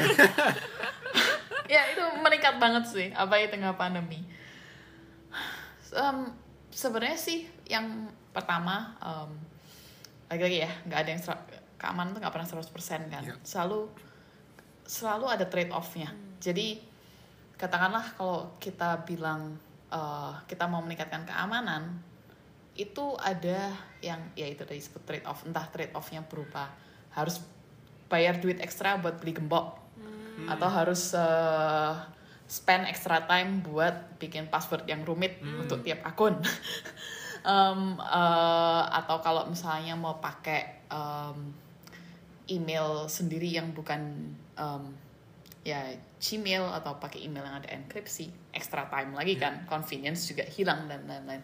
Jadi itu. Nah em, kemba- kalau per- paling nggak kita sadar dulu bahwa security is trade off itu kemudian juga perlu menyesuaikan juga apakah kemudian ketika kita membuat em, apa yang kita bilang sebagai eh, langkah-langkah untuk meningkatkan keamanan ini ya itu sesuai konteks nggak dan sesuai kapasitas nggak Hmm. katakanlah kalau misalnya tadi ya aku kasih contoh ya misalnya eh, ibu-ibu em, harus eh, ngajak em, harus ngajarin anaknya anaknya juga harus pakai komputernya atau komputernya bahkan mungkin punya suaminya Hmm. atau ano, apakah kemudian kalau di passwordin dan kemudian ditambahin enkripsi itu tepat guna nggak atau malah bikin tambah stres dan kemudian em, ya apakah itu kemudian meningkatkan keamanan karena keamanan tuh lagi-lagi ya ada ada keamanan digital ada keamanan eh, fisik Iya. ada keamanan em, mental Iya. keamanan di- situasi makro lebih besar karena misalnya kayak eh ka- ntar aku bisa kirim beberapa link yang kemudian bisa Diakses. di Hmm. Di ah, ah, akses untuk em, edis- episode podcast ini cuman yang perlu ku- aku tekankan kebanyakan panduan ini dibikin untuk entah jurnalis Hmm. entah Hmm. eh, peneliti entah eh, pembela ham yang mungkin tidak cocok untuk semua orang Ya. Iya, iya. gitu Heeh, yang yang em, karena eh, apa lagi ya contoh yang em, ada satu komik ini yang cukup terkenal mengenai orang tuh kemudian sering membayangkan keamanan digital itu oh eh, ini tahu kan hacker lagi ngotak-ngatik kemudian kemudian kemudian eh, apa eh, dia bisa membobol dan lain-lain itu iya ada benernya cuman itu sebenarnya mungkin kira-kira 30% atau bahkan kurang dari kebanyakan em, kasus eh, pembobolan data ya. Em, kebanyakan tuh memang lewat eh, manipulasi psikologis Hmm. sebetulnya. Kayak tadi yang seperti bilang ya wah, berlagak eh, scamming, eh, copet lah sebenarnya main copet. Mama minta pulsa. berlagak jadi petugas bank, Iya, iya, minta iya. mama minta pulsa. Mbak Mbak Indomaret lupa kembalian. Eh, eh. Gitu-gitu kan aneh. Iya. Heeh. Tapi lebih Jadi- masuk akal ya, sesuai konteks soalnya. Iya. Iya. 70-80% kasus itu sebenarnya lewat situ. Kalau yang kalau yang sampai apa enkripsinya dijebol apa itu soalnya jauh gak jauh lebih sulit. jauh lebih sulit untuk untuk bisa melakukan itu. Nah, kalau yang manipulasi psikologis ini memang jauh lebih banyak dilakukan karena hmm, apa ya? Ya, yang lebih low hanging fruit sih. Oh ya. iya, iya. lebih mudah gampang. Eh, dan kalau kasus mama minta pulsa itu kelihatannya dikit-dikit ya, tapi kalau banyak dapatnya udah lumayan. Ngapain belajar enkripsi susah-susah kalau itu bisa dapat banyak. Itu. Pas mamanya beneran minta pulsa, enggak. itu beneran mama nggak percaya Malah jadi berantem. aku aku pernah loh apa barusan ini ngasih training ke eh, ya satu kelompok ini tahu-tahu manajer manajer eh, manajer eh, pro- program tersebut itu dapat telepon bahwa bapaknya kena. Dan dan yang penipunya itu bisa bela- bisa tahu bahwa oh bapaknya ini eh, punya keluarga berapa orang Oh apa. iya, jadi iya, iya. ini kayak gitu-gitu. Yang tapi kebanyakan data ini kan sekarang ya gampang diakses ya. Kita cari aja dikit itu wong data kecamatan aja aku bisa cari kok sebenarnya kalau mau Terus Distrik Capil. kegiatannya kan orang upload semua di Instastory. Oh dia lagi di luar rumah nih, kan real time orang suka upload real time juga. Jadi ya ketahuan banget. Hmm. itu Iya. sih ya Berarti makanya itu menarik sih itu Iya. apa ya keamanan dari scamming ya dari penipuan yang bersifat Iya. psikologis itu ya ya itu ya harus Iya. pen- kita pinter ya. Iya dan ya benar tadi kata Hmm. Rara juga ketika apalagi dan apa yang udah kamu jelaskan Kat ketika kita misalnya bermain dengan sosial media kita harus hati-hati juga ketika membagikan se- harus terbuka apa sih diri kita terhadap Iya, dunia oh. ini kayak apakah Hmm. setiap detik kita lagi ngopi, lagi main, lagi keluar harus kita Hmm. share semuanya karena itu bukan hanya sekedar ntar apa ya isu overshare ah males lo kerjanya overshare doang tapi ini isu keamanan real gitu yang oh ini orang ini beneran lagi di luar oh ini orang lagi nggak ada di rumah bisa Ya. ini itu Kalau aku Sangat pribadi sih sih. udah agak jarang upload real time sih Hmm. sebenarnya. Eh, kecuali iya, kalau yang gitu. mm, yang terlalu penting kayak berkebun berkebun di rumah ya di tapi itu pun kadang nggak langsung Iya. kadang ada jedanya Hmm. gitu segala macem ya nah tapi soal sosial media Dan- itu kan eh, pengen ngebahas soal ini sih keamanan digital yang yang standar lah soal misalnya Hmm. eh, password terus juga eh, two Ya. factor authentication itu juga banyak orang masih belum terlalu apa ya ngeh lah Ya. gitu. tapi menurutku ini Hmm. kayaknya semua teman-teman yang pastinya yang dengar podcast benang merah mungkin udah lebih tech savvy ya gitu lebih pastinya Hmm. menggunakan media sosial karena tahu ini pasti karena Instagram sih Iya. karena Twitter karena aku nggak promo di tempat lain Eh, ya ya ya gimana Gat? yang basic tapi aman gitu. Biar yang biasanya direkomendasikan bikin password yang aman. Jadi eh, password yang aman tuh biasanya ya jangan pakai eh, tanggal lahir Iya, atau tanggal lahir pasangan atau anak dan lain-lain. Tapi em, minim sebenarnya idealnya makin banyak karakter makin sulit dijebol kan. Nah, jadi eh bisa juga pakai frase misalnya apa eh katakanlah judul lagu kayak lagunya Rara kayak Hmm. pertama itu kemudian dan itu diubah-ubah eh, bakal huruf besar huruf kecil Iya. huruf besar huruf kecil dikasihin angka Hmm. dikasihin karakter kayak kombinasi gitu. ya Dan huruf besar se- kecil Ah, ah, karakter. dikombinasiin. ya itu bisa juga kalau mau em, ada em, website namanya How Secure Is Your Password eh, kalau nggak salah coba dicari itu em, bisa memberi kamu tips kayak kira-kira eh, passwordmu ini kuat apa enggak sih Hmm. atau atau atau gimana nah kemudian saranku juga kalau memungkinkan sebetulnya bikin multiple email emailnya jangan cuma satu aja Hmm. apalagi gig worker ini kan biasanya kita kan sering cuma satu Gmail Iya, aja iya. ya tapi kemudian dipakai Semua, semua uh. nah itu uh, uh, sekalinya jebol semua kena. Hmm. Ya, ya. kan?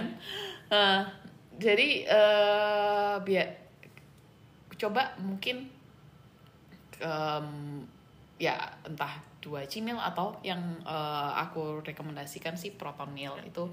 Tapi emang kapasitasnya jauh lebih dikit ya Proton Mail. Itu dia gratis 500 mega.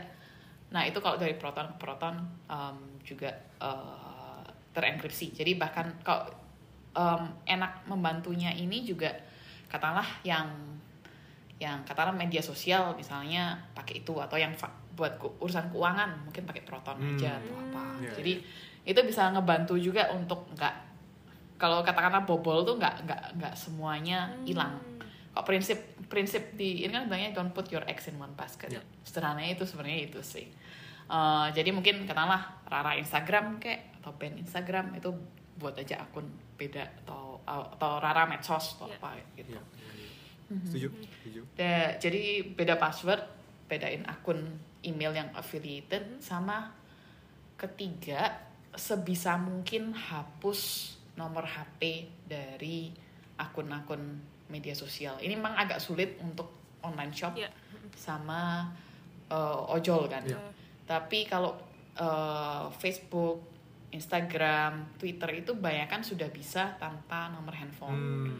saranku sih sebisa mungkin tuh dihapus kalau bisanya bisa tanpa hand- nomor handphone hapus saja Hmm. karena tahu sendiri sekarang kan nomor handphone kita ini udah disambungin ya sama identitas kita Iya. sama biometrik kita sama Hmm. kartu keluarga kita itu Ya, serem banget itu sih. eh ya serem banget Ya, sih gampang banget tahu inform semua informasi dengan tentang kita ya. Hmm, ya, dari ya. dari HP doang, dari nomor HP doang. Dan itu mungkin kenapa di sosmed ada opsi itu juga ya two factor authentication 2AF itu ya biar Tapi yang tanpa handphone. yang tanpa handphone kan Iya, yang tanpa handphone. tanpa handphone karena itu Ka- sebisa mungkin tanpa handphone Iya. Ha, sama nomor handphone Jadi dia pakai aplikasi apa? Lain yang eh, biasanya dia meng apa? Ada kode yang muncul setiap berapa 60 detik, 30 ya, detik 30 apa? Pak? detik atau berapa Iya. gitu. ah. Kode unik eh, Ya. untuk kita bisa ngebuka aplikasi eh, sosial media kita. Jadi lebih secure. Tapi emang nggak secure kalau HP-nya hilang ya. kalau HP-nya hilang Iya. ya. itu Itu hal lain. Kalau Ah. HP hilang nggak nggak dikasih password juga HP-nya itu Ya. ya iya itu penting sih. ya begitulah Iya. Lumayan repot sih, cuman emang aku ngerti banget tadi Iya. yang kamu bilang trade off. Ada yang ditukar, itu yang ditukar adalah kalau buat kita sih lebih ke waktu sama ya apa ya effort sih. Jadi banyak ngasih effort buat Hmm. security aja, Iya. buat digital security. Meskipun ya kita cuma bisa berupaya sekian persen, tapi ya setelah itu ya mama minta pulsa. Tetap. Iya. Ad- aku juga em, kadang-kadang terlepas itu effort dan trade off di waktu dan lain ya. Em, anggapnya juga kayak kita menjaga hygiene gigi. Ah, eh, iya, iya. kebersihan gigi ya. Pas kita kecil kita juga nggak sikat gigi kan nggak otomatis ya. bisa sikat gigi lah.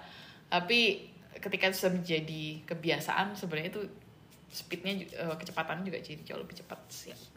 Nah, dan eh, lagi-lagi em, kelihatannya memang ribet awal-awal dan eh, ntar aku bisa eh, kirim link yang lebih menjelaskan em, dengan visual dan lain tapi em, yang penting sih membiasakan karena kalau baru diterapkan ketika sudah bobol itu jelas deh Ya, ya, betul. Benar, benar banget. Gitu. Mendingan kita apa ya bersiap-siap lah Iya. waspada dari dari awal. Iya dan hanya, hanya kalian ngerasa biar nggak root canal Iya benar banget. Jangan garut channel bener. Dan hanya karena kalian bisa ngerasa gue bukan orang penting nih, itu bukan berarti nggak penting sih si digital security ini. Itu justru itu jauh lebih penting sih kadang. itu Iya. Itu kena macem-macem sih Iya, makanya. maksudnya jujur aja ada salah satu staff C2O yang kena waktu Oh, iya? itu kena scam, Scam. Oh, ya. iya. Oke, semoga kita terjauh dari scam. Iya dari ibu-ibu minta pulsa, bapak-bapak dan lain sebagainya. Berpura-pura menjadi petugas bank dan lain-lain. Em, Kat, Yep. makasih banyak ya. Terima kasih banyak sekali Kat.